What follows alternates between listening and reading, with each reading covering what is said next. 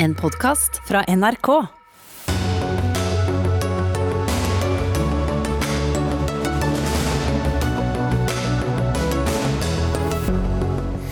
Morna Lan i Oslo-politikken. Byrådet går av, men skal snart gjenoppstå med de samme tre partiene. Stor ståhei for ingenting. Nei, dette er en alvorlig situasjon midt oppi pandemien, sier byens ordfører. Joe Biden og Vladimir Putin har nettopp møttes for første gang som presidenter i fire timer uten mat og drikke. Men hva snakket de om? NRKs sexguide med bilder av nakne mennesker i 60 forskjellige sexstillinger vekker reaksjoner. Seksualitet må utforskes med refleksjon, ikke med en guide, mener studentprest. Og hvor er alle gentlemen hen? Har likestillingen tatt dem? spør singel kvinne i Dagsnytt 18. Ja, og Dette og mer til dukker altså opp i kveldens uh, sending, som går på NRK P2 og NRK2 pga. EM. Jeg heter Espen Aas, og vi begynner med det som vel må sies å være den mest dramatiske dagen i politikken i hovedstaden på mange år, kanskje mange tiår. For byrådet, bestående av Arbeiderpartiet, SV og MDG, stilte i dag kabinettspørsmål ved byrådsleder Raimond Johansen, etter at det ble klart at et flertall i bystyret uttrykte mistillit til byråd for miljø og samferdsel, Lan Marie Berg fra Miljøpartiet De Grønne. Dermed har byrådet gått av, og et nytt byråd må dannes. I mellomtiden så vil det samme byrådet være et forretningsministerium. Og det samme byrådet har også sagt at de er innstilt på å gjeninnsettes. Og partiet Rødt, som var med på å felle byrådet, har sagt at de er innstilt på å sørge for å gi dem flertallet de trenger for å gjenoppstå. Men én endring blir det. Du skal ikke være del av noe nytt byråd, Lan Marie Berg. Du er med oss på linje fra rådhuset, hvor det pågår møter utover kvelden. Du skal eh, om kort tid i hvert fall begynne valgkamp for å bli valgt inn på Stortinget i september i stedet. Men du har iallfall sagt i dag at du vurderte ikke å trekke deg selv som følge av mistilliten. Hvorfor ikke? Nei, det var jo veldig tydelig fra alle byrådspartiene, også i debatten i bystyret i dag, om at dette mistillitsforslaget som ble fremmet av Frp, eh, var helt grunnløst. Her har bystyret fått raskt og kvalitetssikret informasjon, sånn at de kan eh, ta en beslutning. Sånn at vi kan få ny vannforsyning til Oslo og sikre eh, at vi ikke er så sårbare som vi er når vi er så avhengig av Maridalsvannet. Og det er vi helt nødt til. og Byrådet mente at det var et helt grunnløst mistillitsforslag. Og så ble jeg veldig overrasket over at Rødt valgte å stemme for Frp sitt Eh, mistillitsforslag i bystyret, og dermed også felle det rød-grønne mm. byrådet. Vi skal komme inn på, på, Rødt eh, om litt, men hvis vi ser på de praktiske konsekvensene av dette, Lan Marie Berg, så går jo da det sittende byrådet av og blir etter alle solemerker gjeninnsatt. Men da blir det jo et maktvakuum som, eh, som blir der i mellomtiden, selv om dere fortsetter som da et forretningsministerium som kjent. Hadde det ikke vært bedre, midt oppe i den verste pandemien, og hvor Oslo er den mest rammede byen i hele Norge, om du hadde gått av og latt det sittende byrådet bare fortsette med sin politikk? Og Det var jo veldig overraskende at Rødt valgte å stemme for et så grunnløst mistillitsforslag fra Frp og felle det rød-grønne byrådet. og Det var også overraskende for meg. Mm. Men, men, hvis du svarer på spørsmålet jeg stilte? Ja, men Vi i MDG er opptatt av at vi nå skal få på plass et nytt byråd så raskt som mulig. og Imens så sitter det sittende byrådet som et forretningsministerium. Mm. Men det vakuumet kunne vært unngått dersom du hadde trukket deg selv, og ikke byrådet hadde måttet stille kabinettsspørsmål og dermed gå av? Ja, men Her er det ikke MDG som har gjort noe galt. Det er et grunnløst mistillitsforslag som har blitt fremmet i bystyret. Det er byrådspartiene helt samlet om. Eh, og Vi har bare vært opptatt av å få fram en sak så vi kan redusere Oslos sårbarhet. og Det er jeg veldig glad for at bystyret vil stemme for eh, i dag. Og så vil vi eh, jobbe så hardt vi kan for at denne mellomperioden vil bli så kort som. Mm. Og så mener jo selvfølgelig ikke flertallet i, i bystyret at uh, dette mistillitsforslaget er grunnløst. Det er det jo da dere i mindretallet uh, som uh, mener, bare for å ha poengtert det. Men i og med at du jo ender opp med å gå av uansett, så er det vel bare egentlig sånn at du kom litt bedre ut av det selv? Nei, her er det sånn at Rødt valgte å stemme for et mistillitsforslag forslag og avsette det rød-grønne byrådet. For min del, når det kom til den situasjonen, så er det greit å avklare at det ikke er naturlig at jeg er en del av et nytt byråd. Ditt at jeg er stortingskandidat i år og jeg skal drive valgkamp. Jeg hadde uansett tenkt å søke permisjon fra og med august, og da hadde det bare vært en måned imellom der, så det ville vært veldig unødvendig. Derfor så tenkte jeg at det var greit å avklare i den situasjonen som oppsto, men jeg er som sagt både skuffet og overrasket over at Rødt valgte å støtte Frp sitt uh, mistillitsforslag i bystyret i dag. Ja, som du har nevnt. Men hvis vi tar tak i akkurat det med, med Rødt. Da. Det samme Rødt vil jo base på at dere kommer inn igjen. Men øh, historisk sett så har jo MDG eh, ment at eh, det hadde vært vel så naturlig å samarbeide med partiet Venstre i byråd. Vil du si at uh, dette ønsket har styrket seg gjennom det siste døgnet? Um, eh, Miljøpartiet De Grønne vi gikk veldig tydelig til valg på i 2019 på, nytt, eh, på, å fortsette samarbeidet med Arbeiderpartiet og SV. for Vi mener at vi har fått veldig mye ut av dette samarbeidet. At vi har fått til veldig mye bra for byen vår. Gjort byen vår grønnere. Mm, men spørsmålet var om Venstre.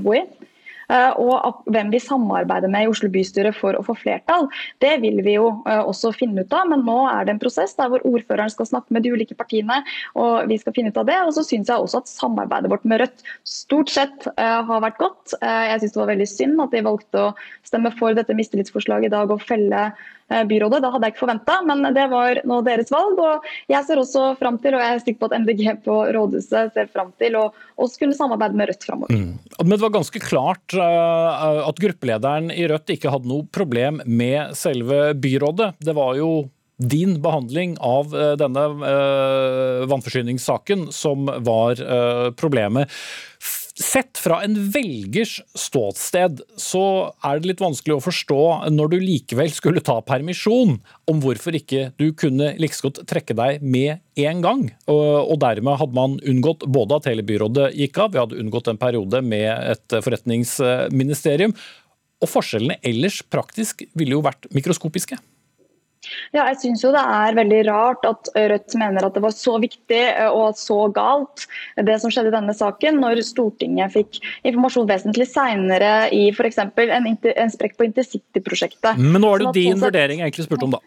Ja, men sånn sett så er det ikke lik behandling, og ikke så prinsipielt som de kanskje hevder. Og så er det jo synd at de har blitt med på de borgerliges kjør i bystyret, og det mener jeg jo at også er viktig for å ivareta demokratiet også på rådhuset. At det skal være sånn at når man har en parlamentarisk styringsmodell, så må saker bearbeides før det kommer til politisk behandling i bystyret. og Bystyret må få seg forelagt korrekt og god informasjon for å kunne, vedta, for å kunne gjøre gode vedtak. og Det er det vi har forsøkt i denne saken. Det er mm. ingenting som har vært gjort holdt hemmelig. og Det er ingen... Og, det er greit, men Nå svarer du på noe jeg overhodet ikke har spurt deg om, Lan Marie Berg, men la nå akkurat den delen ligge nå. Du skal altså gå inn i en stortingsvalgkamp, men før det så blir du jo likevel sittende som byråd for miljø og samferdsel i dette forretningsministeriet. Føles det unaturlig når eh, et flertall i bystyret har sagt at de ikke har tillit til det? Nei, på ingen måte. Nå er det sånn at Byrådet fortsetter som et forretningsministerium. Forhåpentligvis så blir det en kort periode, og jeg håper at vi kommer på plass raskt med et nytt eh, byråd i Oslo som eh, som også er rød-grønt og baserer seg på det flertallet som vi har. Eh, og eh, For meg så er det sånn at jeg over lang tid har vist at jeg skal inn på Stortinget. Jeg skal drive valgkamp fra høsten og håper å komme inn på Stortinget med en stor grønn gruppe og kunne gjøre det samme som vi har gjort i Oslo, nemlig å endre norsk politikk for alltid. Så eh, ville det jo muligens vært annerledes å drive den valgkampen hvis ikke et flertall i bystyret i Norges største by hadde vist deg mistillit. Hvorfor skal velgerne velgerne ha tillit til deg når eh, bystyret i hovedstaden ikke har det?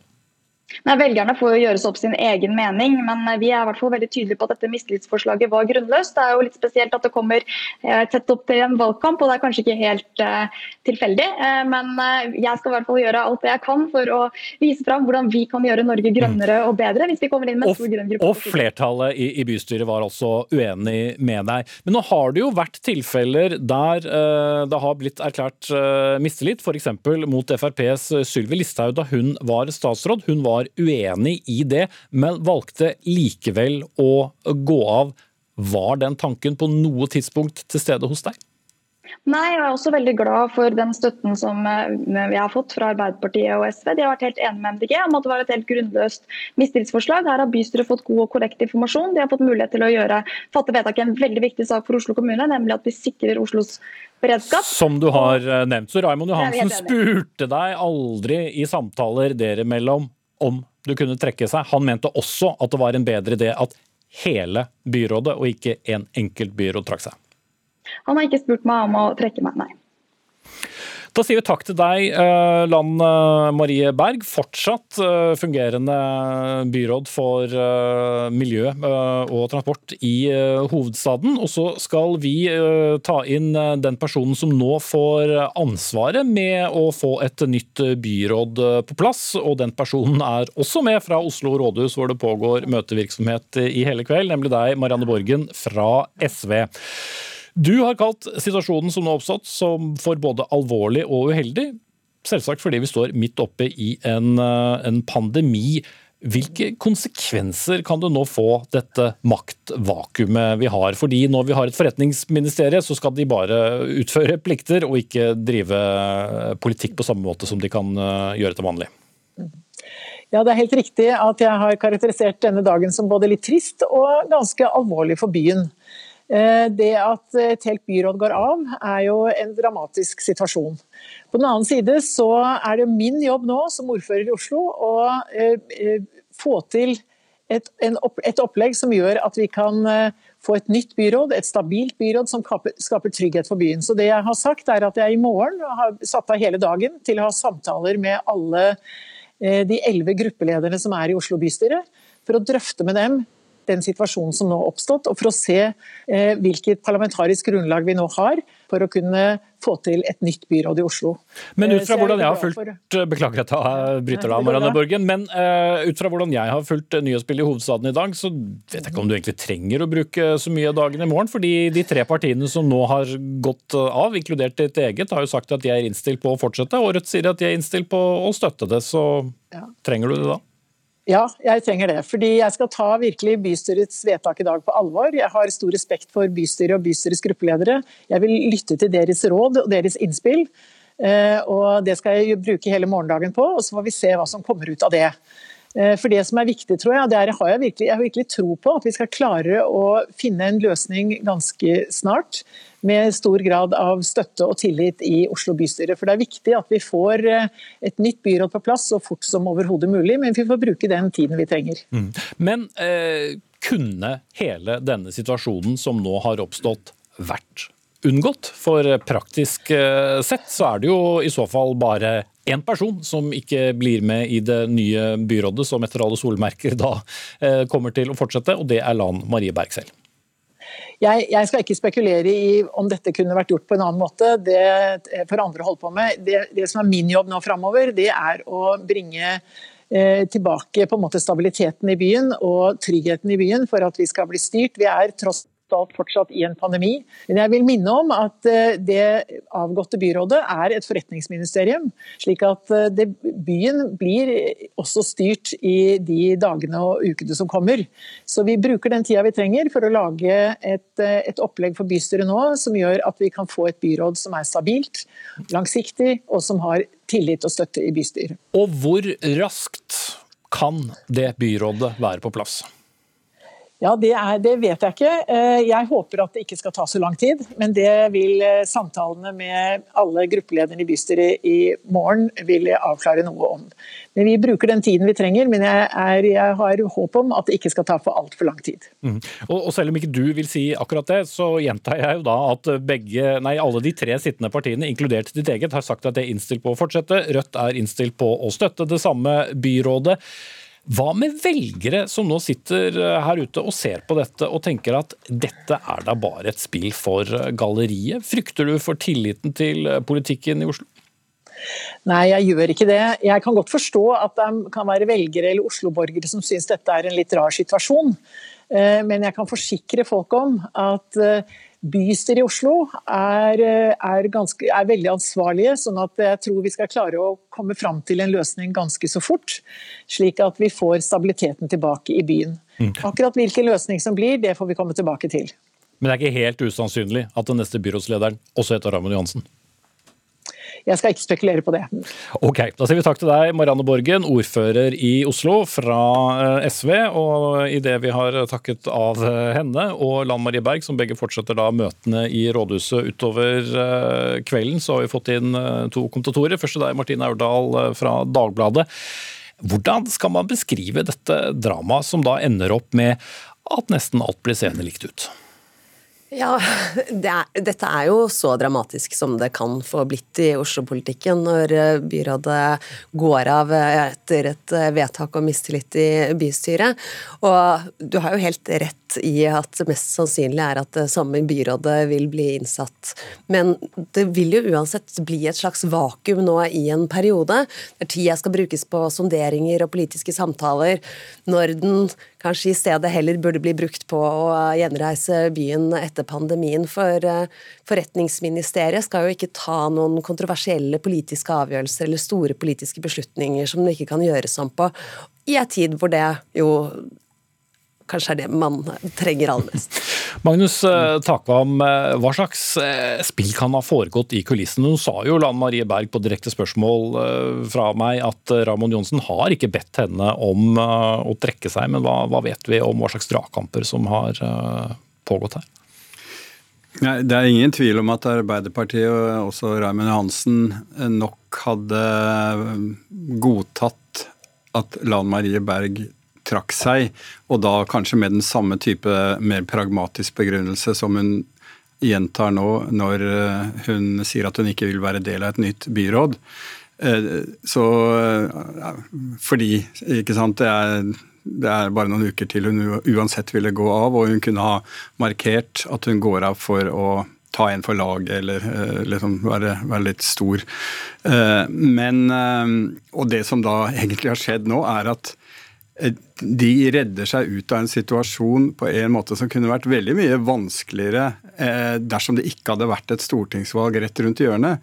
Fordi det var ingenting av det Lan Marie Berg eh, sa som tilsier at hun i en eh, slik situasjon ville ha gått av fordi det var eh, vedtatt mistillit mot henne i, i bystyret.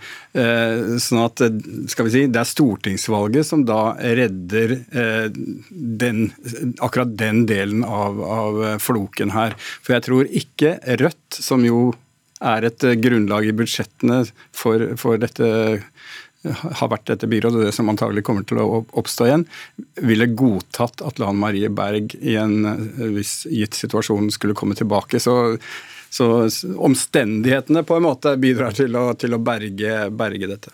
Ja, for Irritasjonen i opposisjonen over Lan Marie Berg har vært ganske stor. Det kom også ganske klart frem eh, da Rødt uttalte seg om saken og deres gruppeleder tidligere i dag, eh, Martin Nærdal. Men hvis vi går tilbake til Lan Marie Berg, hva med hennes troverdighet etter denne saken. Hun benekter det flertallet sier, og sier at hun ikke har, har gjort noe galt. Og stem på meg, jeg skal inn på Stortinget. Ja, jeg, synes det er jo forbløffende tydelig linje fra Lan Marie Noenberg om at eh, altså fortsatt eh, at hun ikke ser eh, noen grunn til i det hele tatt å ville vurdere å trekke seg.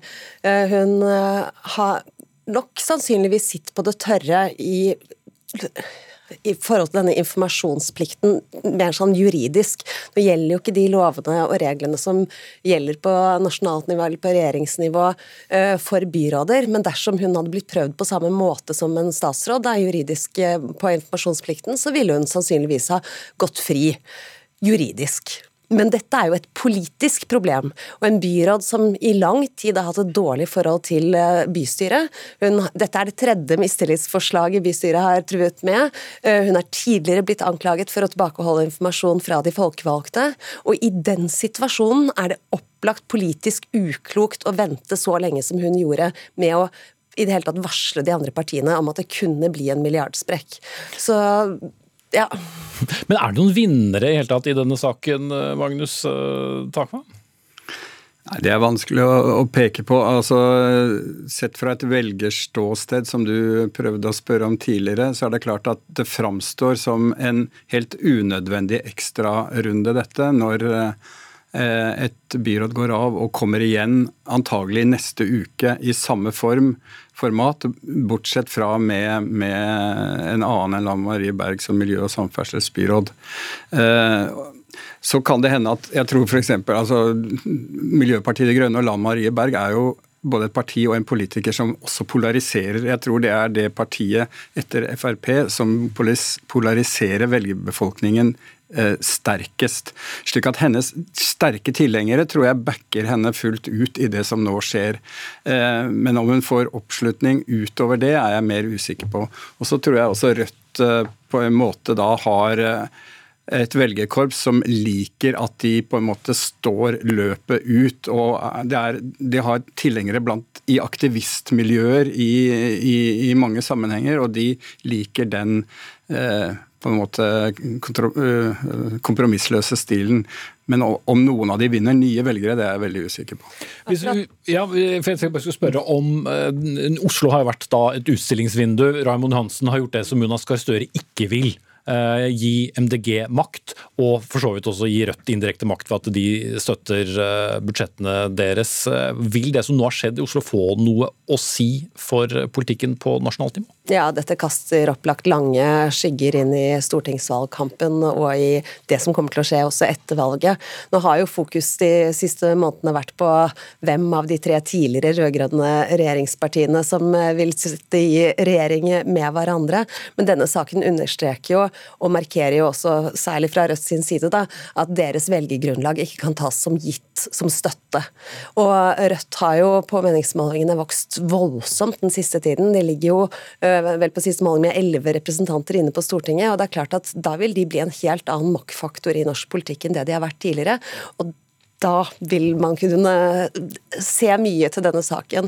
Og og bare kort til det du sa, Magnus. altså de har jo, Fordi de nå har fått så mange flere nye velgere, eh, så er dette en sak som også splitter eh, Rødts velgergrunnlag. Eh, partiet har de siste dagene fått 22 utmeldinger og 19 innmeldinger. Eh, så de har jo klart å splitte også, også, sine egne. Noen sier at de ikke vil stemme Rødt fordi at de eh, feller et rød-grønt byråd, mens andre nettopp ser eh, Eivor Enrud, altså gruppelederens opptreden her, som forbilledlig prinsippfast og Rødt som en vaktbikkje. Ikke kjedelig, verken i hovedstaden eller på nasjonalt nivå fremover. Takk til Martine Aurdal, kommentator i Dagbladet, og vår egen Magnus Takvam her i NRK.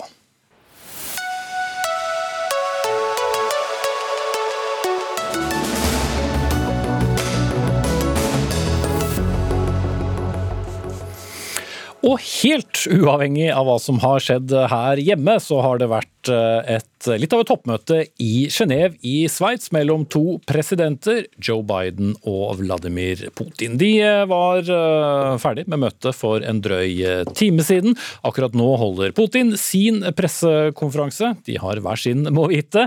Og han var også den som først ankom dette møtestedet, en, en villa fra 1660, der Genévekonvensjonen, som jo danner grunnlag for uh, krigens folkerett, så dagens lys da i 1864. Fra klokken ett satt de to sammen, uh, ifølge uh, mange kilder, da uten mat, for de skulle ikke ta seg tid til dette. Og Jan Espen Kruse, du har fulgt vårt toppmøte, ikke vårt toppmøte, men du har fulgt toppmøtet for oss i, i Genéve. Og hva vet vi kom ut av dette? Ja, Ifølge den russiske presidenten Vladimir Putin så var møtet veldig konstruktivt. Det var ingen fiendtlighet på eh, møtet. Og eh, de kom fram til eh, en, en rekke forskjellige ting, sier han. Men, og, og en av de viktige var at de skal starte samtaler, forhandlinger, på en rekke områder, bl.a. når det gjelder atomvåpen. De ble enige om at når det gjelder datasikkerhet, sikkerhet, så skal man også sette i gang et felles samarbeid mellom USA og, og Russland. Og så eh, I løpet av våren så trakk jo både Russland og USA tilbake sine ambassadører eh, fra hovedstedene. Nå har det blitt enighet om at disse ambassadørene skal tilbake på plass. Så det er en slags eh, diplomatisk seier også, sier, eh, sier Putin her. Eh, dessuten så ble eh, situasjonen for den russiske opposisjonen diskutert. Eh, bl.a. av opposisjonspolitiker eh, Aleksej Navalny, eh, Og ifølge Putin da, så ba nærmest Navalny om å bli fengslet da han kom tilbake til Russland fordi han hadde brutt eh, russisk lov på eh, to forskjellige punkter, sa, sa, Putin. Men han tar da fortsatt ikke navnet Navalny i sin eh, munn. Men eh, møtet det varte fire timer. Mange hadde kanskje på forhånd ventet at det skulle vare enda lenger, men eh, sånn, sånn, gikk det. De fikk unna en del viktige ting, og de oppnådde altså enighet om å, å starte samtaler områder igjen. og Det eh, blir understreket fra russisk side at det er veldig viktig. Kanskje var det blodsukkeret som ble så lavt at de gjorde seg ferdig, Jan Espen Kruse. Men at de nå skal begynne å sende hverandre ambassadører igjen, er det overraskende? Altså Joe Biden har jo vært veldig opptatt av også å uh, markere avstand, i hvert fall i forkant uh, av møtet? Eh, ja, litt overraskende er det vel at de ble enige om flere av disse punktene, bl.a. dette med ambassadørene. Eh, da de hilste på hverandre, så var det hvis vi skal tolke det. Det var kjølig, men høflig. Eh, og, og det lå jo ikke i kort rapportene. Eh, ifølge Putin ble det til og med eh, snakket om denne uttalelsen fra Biden tidligere, hvor han i et intervju eh, kalte Putin for en drapsmann. Men, men Putin har fått en forklaring han er fornøyd med, så han legger dette bak seg. Men hvis vi ser på alle de ganske harde utfallene som har kommet på forhånd, så er det kanskje overraskende Det var veldig mange kommentatorer både på russisk og amerikansk side som sa at her ville det ikke komme noen verdens tingen ut av dette toppmøtet, men i, i hvert fall ifølge den russiske presidenten så har det, har det kommet eh, noe. og eh, Biden han kommer til å holde en pressekonferanse litt senere. Han Eh, viser i hvert fall tommelen opp da han eh, gikk ut fra denne villaen hvor toppmøtet ble holdt. Så det, det virket som han også var rimelig fornøyd. Da sier vi takk til deg, eh, Jan Espen Kruse i Genéve. Kristina Pletten, kommentator i Aftenposten, du er med meg her i studio. I går skrev du en kommentar som du kalte 'Ser der danser'. Bestefar med gudfaren. Hva mente du med det?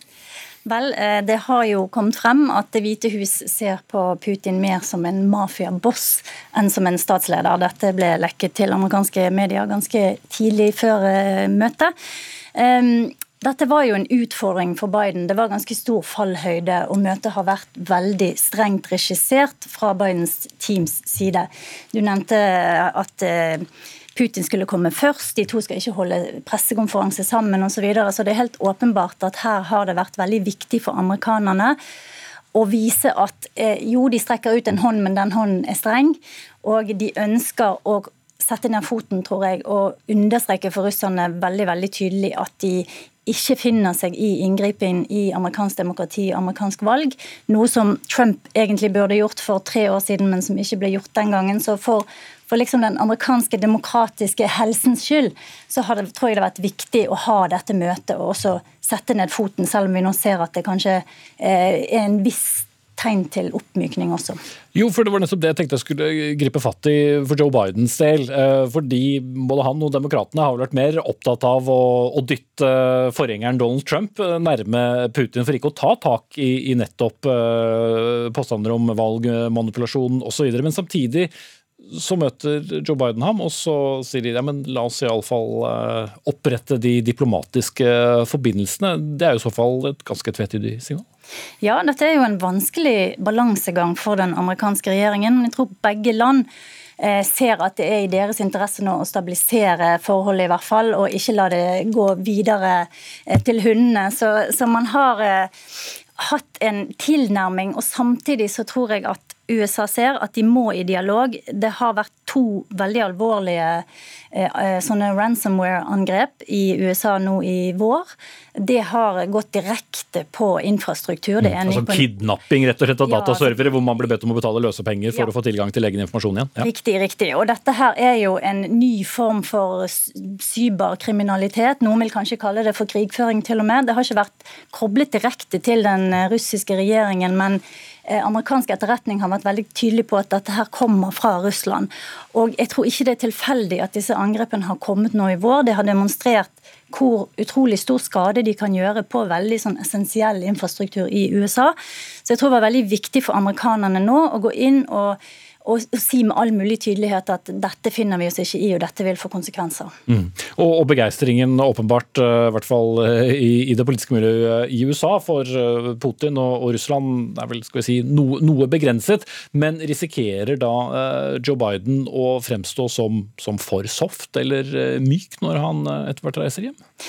Det er jo alltid en, eh, en risiko, men jo, det, han hopper ikke akkurat etter Wirkola med det møtet Trump hadde i 2018. Og jeg tror at Biden har vist eh, i de månedene han har vært president at han er en pragmatiker, og her er det mye som Han trenger også Russlands samarbeidsvilje på enkelte ting, på Iran-avtalen f.eks., i klimasaken, i kampen mot terror og i flere andre ting. Så jeg tror at eh, den balansegangen ser i hvert fall ut til å ha fungert til nå. Så får vi se videre hvor, hvordan det går. Ja, og Vladimir Putin han holder fortsatt sin pressekonferanse, og vi venter jo da også på hva Joe Biden kommer til å si selv på sin eh, egen eh, pressekonferanse. Og det er vel mer hva han sier der, enn nødvendigvis det lille som har kommet ut fra selve møtet, som blir eh, det viktige. Absolutt, og jeg tror at det er viktig for Biden å understreke, som jeg sa, at han har vært tøff mot Putin, og at han har trukket opp en rød linje. Rett før jeg gikk inn i studio så hørte jeg Putin sa at vi forstår begge hva vi, hva vi mener når vi sier at her går den røde linjen. Og Det har jo vært et problem for USA i utenrikspolitikken, både under Trump og også til dels under Obama, at de ikke har på en måte overholdt linjen, at de ikke har hatt eh, nok å slå tilbake med. Da. Så jeg tror at eh, dette har vært viktig for Biden å, å, å sette på plass. Jeg tror vi vil høre mye om hvor tøff og streng han var når han eh, går ut i sin pressekonferanse. Takk skal du ha, Kristina Pletten, kommentator og tidligere USA-korrespondent for Aftenposten.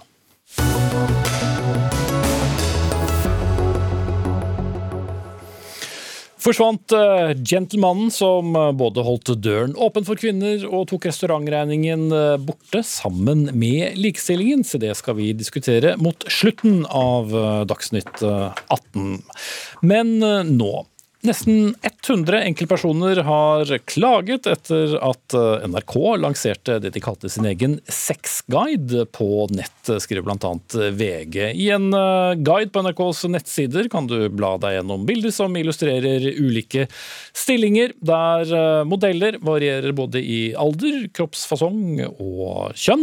I tillegg til mann og kvinne er det også flere bilder av menn sammen med menn, og kvinner sammen med kvinner, i et hav av ulike posisjoner diskusjoner med dertil hørende navn, for så vidt, og hvor man da får forklart hvordan man kan praktisere stillingen, enten den heter doggy eller labbetuss eller klining eller hva det nå skulle være. Den har blitt eh, både hyllet og, og kritisert, men Elise Ottesen Søvik, du er studentprest ved VD Oslo, som er vitenskapelig høyskole som utdanner da bl.a. sykepleiere, sosionomer og teologer. Og til Vårt Land så sier du at det finnes mer enn nok av bilder der ute allerede, så vi trengte ikke disse bildene? Altså jeg tenker at NRK skal virkelig ha for intensjonen. Eh, fordi det handler om å vise et mangfold.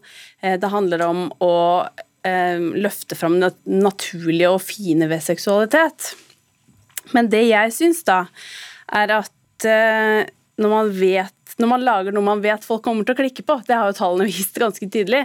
Ja, altså klikke som ikke blir rasende, men også faktisk ja, klikke seg inn på ja, saken? Ja, fysisk klikke på, på, saken. Så tenker jeg at det ligger et større ansvar um, i å ikke på en måte bli værende i den liksom, tekniske og instrumentelle siden av seksualiteten, da. Så det er, det er, det jeg kjenner på, at jeg skulle ønske at man hadde lagt opp til eh, større rom for refleksjon eh, rundt seksualiteten, og ikke holdt det som en sånn instrumentell eh, ja.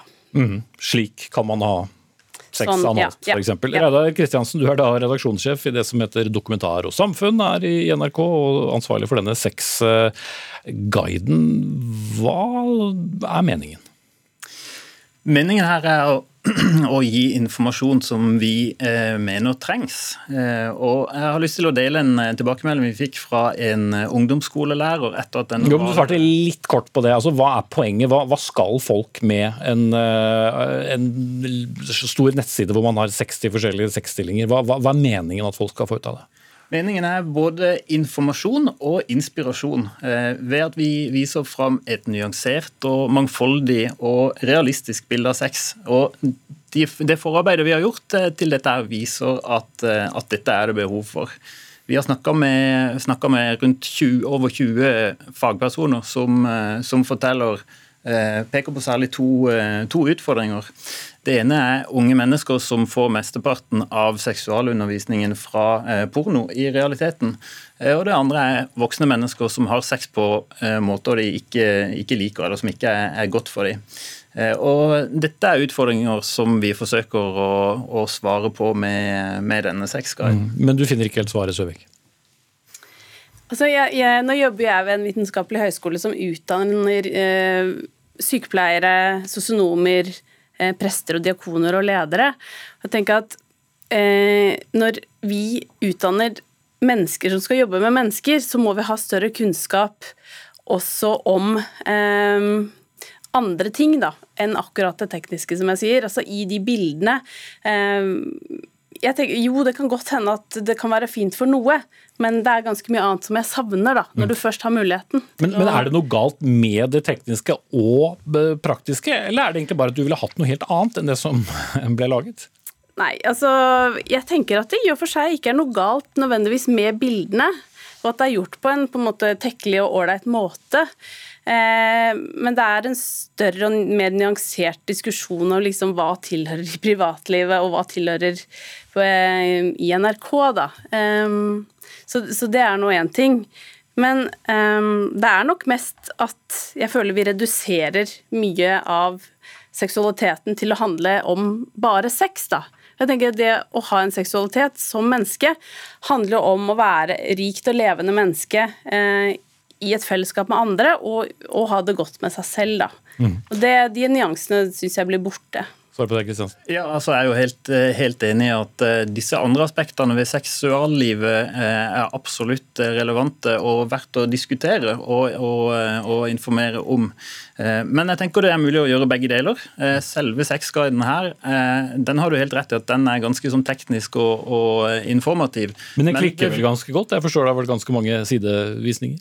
Det, det, gjør det jo selvfølgelig, det er vi ikke overraska over.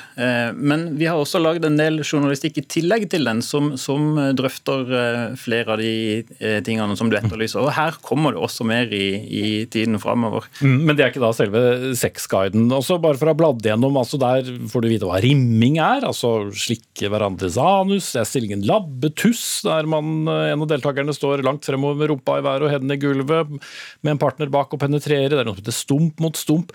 Hvis dette skal være en alternativ guide til porno gjør ikke disse modellene stort sett akkurat det samme som man gjør på pornonettsider?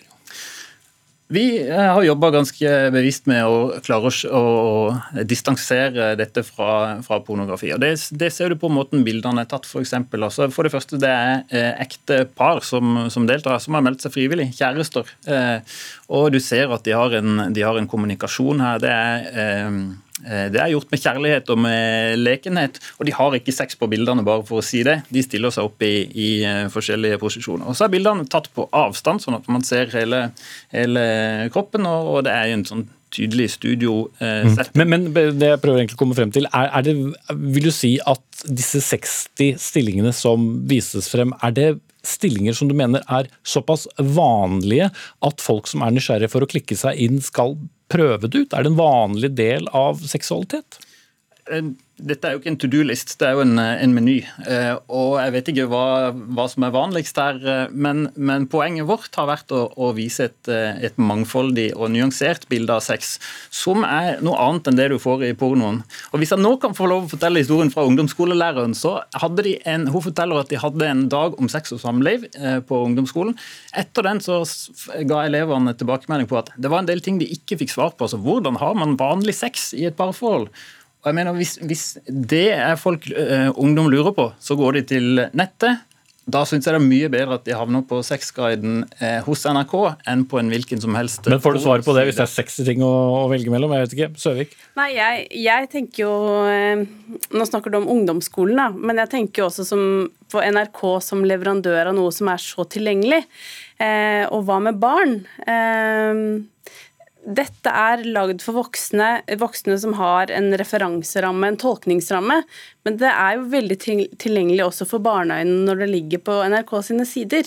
Det har jeg lurt litt på, om hva dere på en måte tenker rundt tilgjengelighet og barn. For barn har ikke disse referanserammene og kommer på en måte smack rett inn i et voksenunivers uten referanserammene. da. Hva tenker dere om det? Det er, ikke, det er jo ikke så mange barn som er på nrk.no. De er først og fremst i NRK Super-universet. Eh, men vi mener jo også at disse bildene er tatt på en måte som gjør at ingen tar skade av å, å, se dem. Og så har du helt rett i at det er ikke barn som er målgruppa her. Den er lagd for, for voksne mennesker. Ok, jeg setter eh, strek der på alle disse 60 stillingene. Elise Ottesen Søvik, som er eh, studentprest, og Reidar Kristiansen, redaksjonssjef i Dokumentar og samfunn i NRK.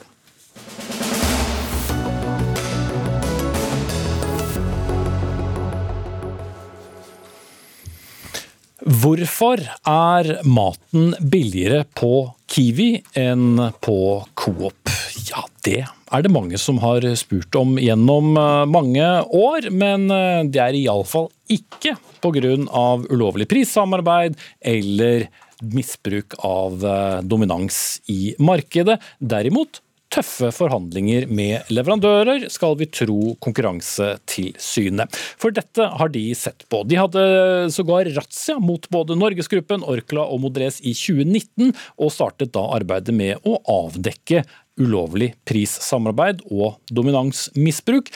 Men nå er det altså klart at saken er avsluttet. Lars Sørgaard, du er direktør i, Konkurransetilsynet. Hva, hva betyr det at saken er avsluttet? Det vi har etterforsket er om, ulovlige, om eh, forskjellige innkjøpspriser er ulovlige. og For å gjøre det så har vi som du sa, gått først til en bevissikring, fått omfattende dokumentasjon fra disse partene. Dermed vet vi veldig godt hvordan de har opptrådt. og Vi har letet etter indikasjoner på mulig ulovlig atferd. Og vi ser da at det er ingen indikasjoner på at noe ulovlig samarbeid. Det er ingen indikasjoner på det misbruk og dominans. og Av den grunn så har vi da lagt bort denne saken. Mm. Så konklusjonen deres er at uh, Norgesgruppen, Orkla og, og Model har ikke gjort noe ulovlig?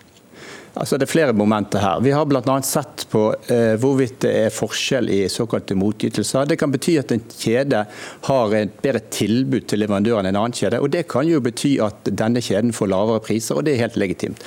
Så er det òg slik at vi har, vi har sett på om den atferden de har hatt, har betydd at noen andre si, kjeder som Rema og Coop har betalt en høyere innkjøpspris. Og Vi har kommet til at nei, det er ikke slik at denne atferden som er her, har ført til at noen har betalt høyere innkjøpspriser. og det er ikke noen, Da er ikke noen skade på konkurransen, og dermed er det ikke noen forbrukere som har, si, litt, har kommet dårlig ut pga. dette. Så vi har et eh, velfungerende dagligvaremarked i Norge?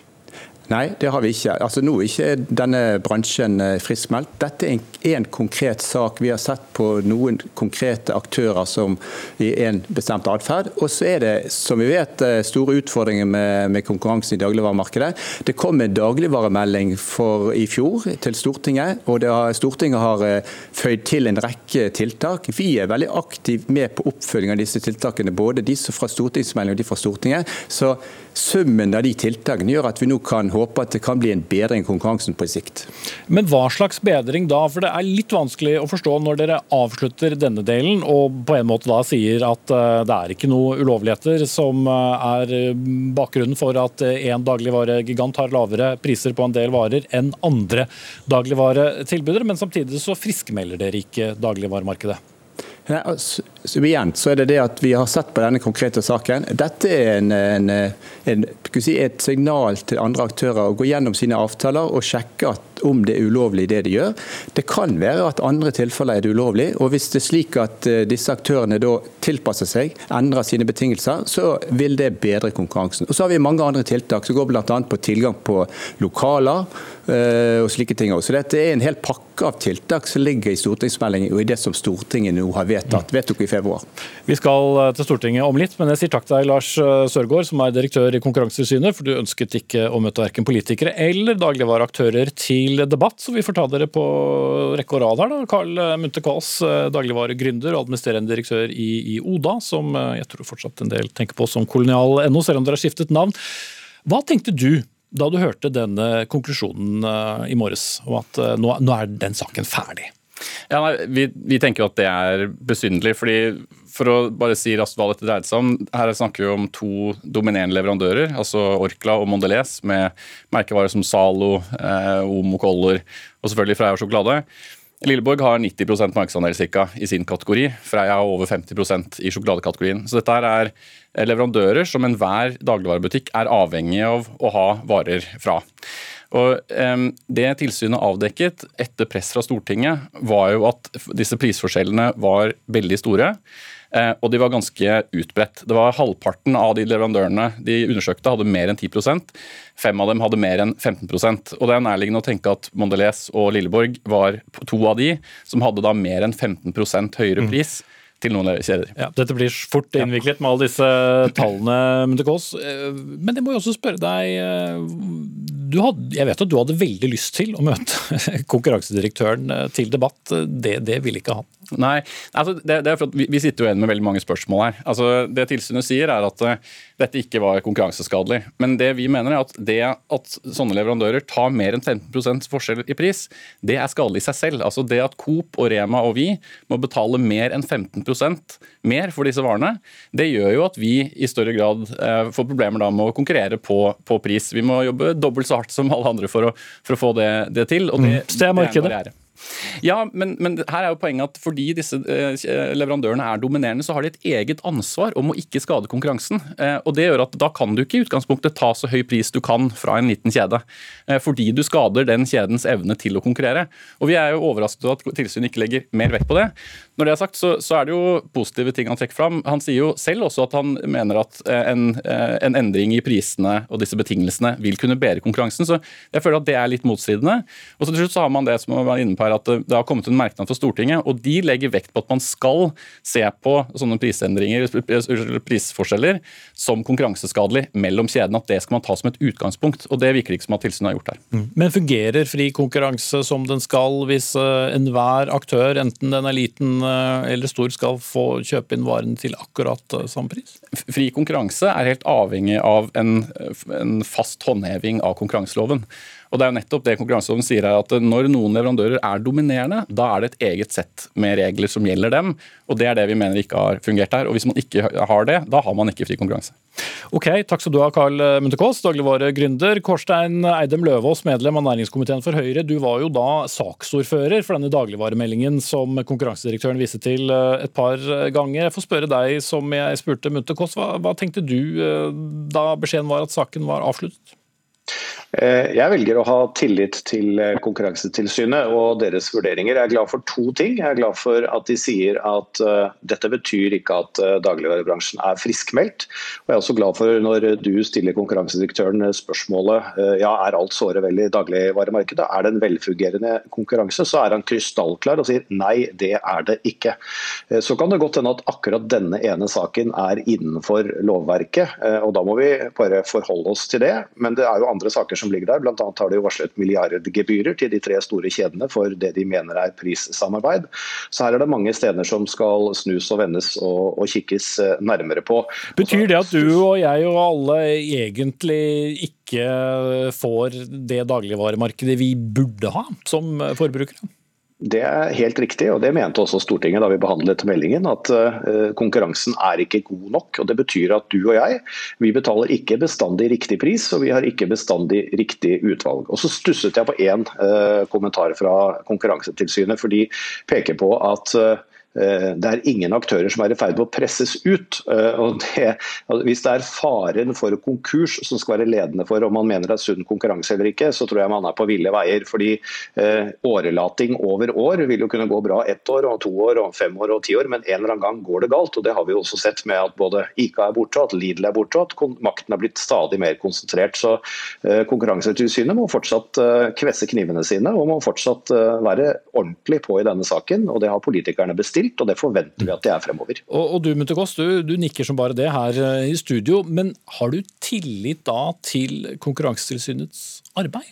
Det er det som er litt spesielt i denne saken. er at I 2018 så sier tilsynet først at eh, forskjeller på mer enn 3-5% det kan være konkurranseskadelig.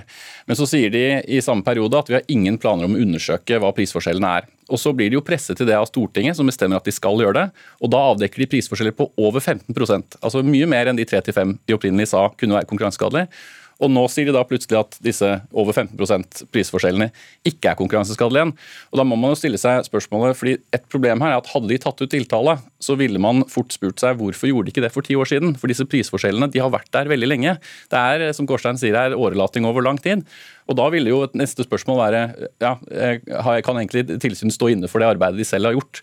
Eh, så det, Jeg vil jo si at det er i hvert fall et problem at de ville fremstått veldig i et dårlig lys hadde de tatt ut tiltale, og da er det et spørsmål om man er inhabil. Kommentar til det, Løvaas? Eh, det er en interessant eh, betraktning, og eh, jeg tror i alle fall jeg kan dele oppfatningen av at Konkurransetilsynet gjorde lite og ingenting i mange år. Men nå har de fått fart på sakene. De har satt i gang konkrete saker.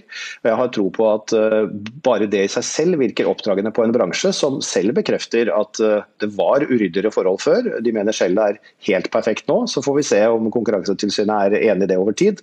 Det er i alle fall en bransje som fortjener og trenger søkelys både politisk og fra tilsyn i mange år fremover. Burde vi kort kort til slutt eh, Løvaas, ha en, eh, en lov som uh, sikrer at vi ikke har prisdiskriminering? Nei, for det har vi. Konkurranseloven sier at det er forbudt å diskriminere folk som skal kjøpe på pris, med mindre du har en saklig grunn. Så det Vi må sørge for er at vi håndhever den loven kontant, nøye og i lang tid fremover. Da sier jeg takk til dere. Korstein Eidem Løvaas, medlem av næringskomiteen for Høyre, også saksordfører for dagligvaremeldingen. Dagligvaregründer Carl Munthe Kaas, også Lars Søgaard, direktør i Konkurransetilsynet, som hørte på alt dere sa, selv om han ikke ønsket å debattere med dere. Og så skal jeg ta med at både Norgesgruppen og Orkla ble spurt om å stille i studio, men takket nei. Orkla kunne fortelle at de var fornøyd med Konkurransetilsynets avgjørelse.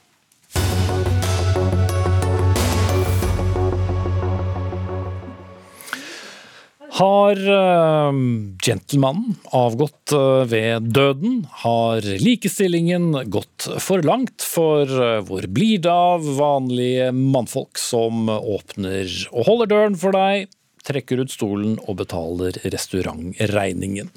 Sandra Korasani, du har skrevet leserinnlegg i Dagsavisen om dette, og du savner altså den gode gammeldagse gentlemanen. Har du noen anelse om hvordan han har blitt av? Det var et veldig godt spørsmål. Jeg lurer på akkurat det samme. og Det var derfor jeg skrev den, det leseranlegget. Fordi jeg savner litt av den gode, gammeldagse, galante gentlemanen. Men øh, har du noen teori om hvor han har blitt av i mylderet? Eh, jeg har noen teorier om at både datingapper som gjør det veldig lett tilgjengelig å date, og dette med at vi er veldig konkurranse, kvinner og menn konkurrerer nesten om å bli veldig like med tanke på at vi skal vise at vi er menn. Og da gjerne òg blir det spørsmål om at jeg skal vise at jeg kan betale regningen, jeg skal vise at jeg kan åpne en dør, og da påvirker det òg eh, ja, gentlemanene. Mm. Så likestillingen uh, har, har, tatt fra deg gentlemanen, for å sette det på spissen?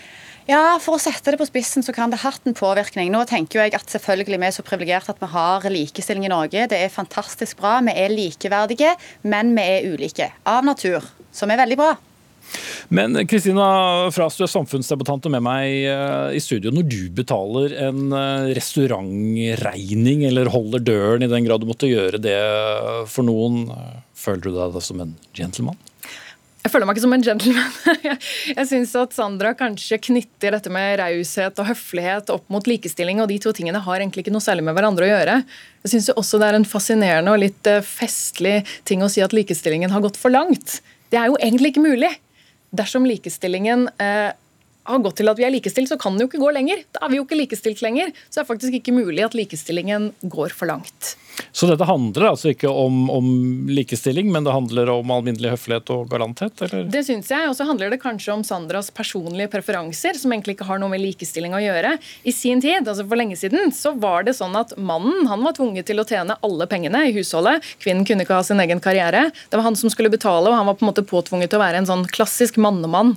Nå har vi mer likestilt, sånn at kvinner kan være de kvinnene de vil være, og menn har mulighet til å være de mennene de vil være. Og alle har mulighet til å være den rause parten. Og det er fint om man også kan dele på det. Mm. Men Korazani, hvis jeg kan stille spørsmål på en litt annen måte, da. Hvor, eh, hvor skal eventuelt grensen for likestilling uh, gå?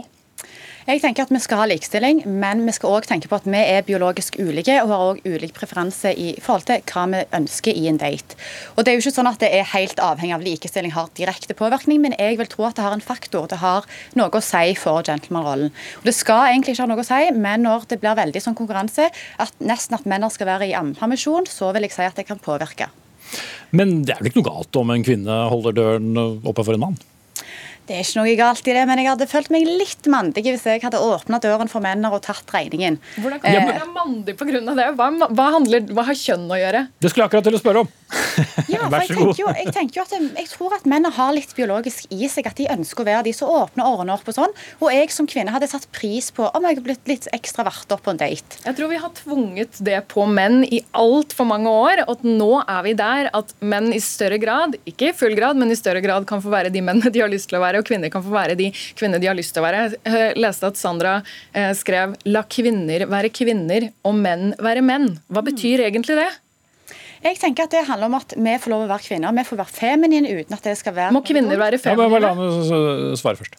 Ja, jeg synes absolutt at Vi trenger ikke, vi må ikke være noe, men det skal være rom for det. Det skal være åpenhet for at menn kan få lov å være menn, og kvinner kan få være kvinner. Uten at det blir en sånn Nei, jeg klarer å åpne døra. Jeg er like sterk som deg. Det, det er veldig mange menn som har fått disse kommentarene. og det er ikke alltid man setter pris på det. Som mann vil jeg tro, etter veldig mange diskusjoner med både kvinner og menn. Men eh, da forutsetter du vel at uh, alle menn er like og alle kvinner er like? Det kan vel være at en mann setter pris på at uh, du betaler restaurantregningen, om ikke på første, så kanskje på andre eller tredje date? Ja, selvfølgelig. Det er jo alltid unntak. og Nå mener jeg ikke å generalisere, men jeg sier bare sånn som jeg har opplevd, og sånn som jeg har opplevd i diskusjoner. Dette høres veldig ut som din personlige preferanse, ikke noe man skriver en kronikk om, men noe man har i bioen sin på Tinder. Vi trenger ikke å gå 100 år tilbake i tid mm, likestillingswise for at du skal få date den mannen du har lyst til. Mm, da går man ikke 100 år tilbake i tid, selv om noen uh, Nei, kanskje, tilbake, kanskje tilbake til 50-tallet. da. Altså, det virker som det er litt de kvalitetene Sandra leter etter, og det er ikke noe galt i det. Det er helt ok. Men nå er, lever vi i et samfunn hvor man i større grad kan velge, og da tror jeg ikke det er sånn at jeg som kvinne ikke får lov å være feminin. Det er bare at flere menn får lov å være myke også. Og flere kvinner får lov til å ta regningen. Og så velger vi helt selv Mm, selvfølgelig. Det skal være opp til hver enkelt. Men så er det jo veldig dumt at vi skal tenke at vi går tilbake i tid fordi at man vil opprettholde noen fine, gode tradisjoner. Den der ulikheten mellom mann og kvinne som er den fine sjarmen mellom en kvinne og en mann. Eh, den fine jakten, den fine datingfasen. Og det tror jeg absolutt at vi kan ha. Et likestilt og et moderne samfunn samtidig som det er gentleman. Hvorfor skal vi ikke klare det? Trenger vi ikke gentlemanen fra oss? Vi trenger gentle personer. Alle skal yeah. være gode og rause med hverandre. Jeg, for meg, jeg kan ikke fatte hvorfor disse tingene skal henge så hardt fast i kjønn. Det handler om veldig gamle kjønnsroller som vi burde være veldig glad for at vi har kommet eh, ikke helt ut av, men litt lenger ut av. Mm. Ja, kjønnsroller har det vært, og det har vært en god utvikling, heldigvis. Og som sagt, Vi er såpass privilegerte i Norge at vi har, vi har, likestilling. Samtidig så er det visse tradisjoner som jeg opplever som veldig viktige og fine å holde på. Da tenker jeg at De er viktige for deg personlig, men for resten av samfunnet så er det fint at man har friheten til å velge. Og jeg tror det også har vært et sånn usunt narrativ for menn ganske lenge om at han skal være den harde mannemannen og som skal tjene alle pengene. Og at det er ganske greit at vi nå har muligheten til å velge om jeg skal være hjemme og være stay at home mom, eller om jeg også skal ut og ha min egen karriere. Vi har en kan det var veldig satt på spissen. Nå tenker ikke jeg på harde mennemenn som ikke skal ha følelser, og veldig feminine kvinner. Nå sier jeg å være en galant gentleman er vel ikke så veldig mye mm. Men kan det helt kort til slutt, Sandra Korazani, rett og slett være så enkelt om at du bare har hatt litt uflaks, og at det finnes opptil flere gentlemen der ute? Jeg har ikke hatt så veldig mye utflaks, å si det sånn, men jeg har hatt veldig mange interessante diskusjoner om temaer. så Derfor syns jeg at det er veldig relevant at vi skriver. Det var godt å høre. Nei, vi rekker ikke det, Kristina fra Samfunnsdebutant. Jeg sier takk til deg og Sandra Korasani, som er i hvert deres studio. Ellers så kunne vi jo hatt mye moro med åpne dører og, og mer til. Men vi skal la det være. Og så skal jeg bare si at Fredrik Lauritzen var ansvarlig for innholdet i sendingen. Ida Larald Brenna tok seg av det tekniske. Jeg heter Espen Aas og ønsker god kveld.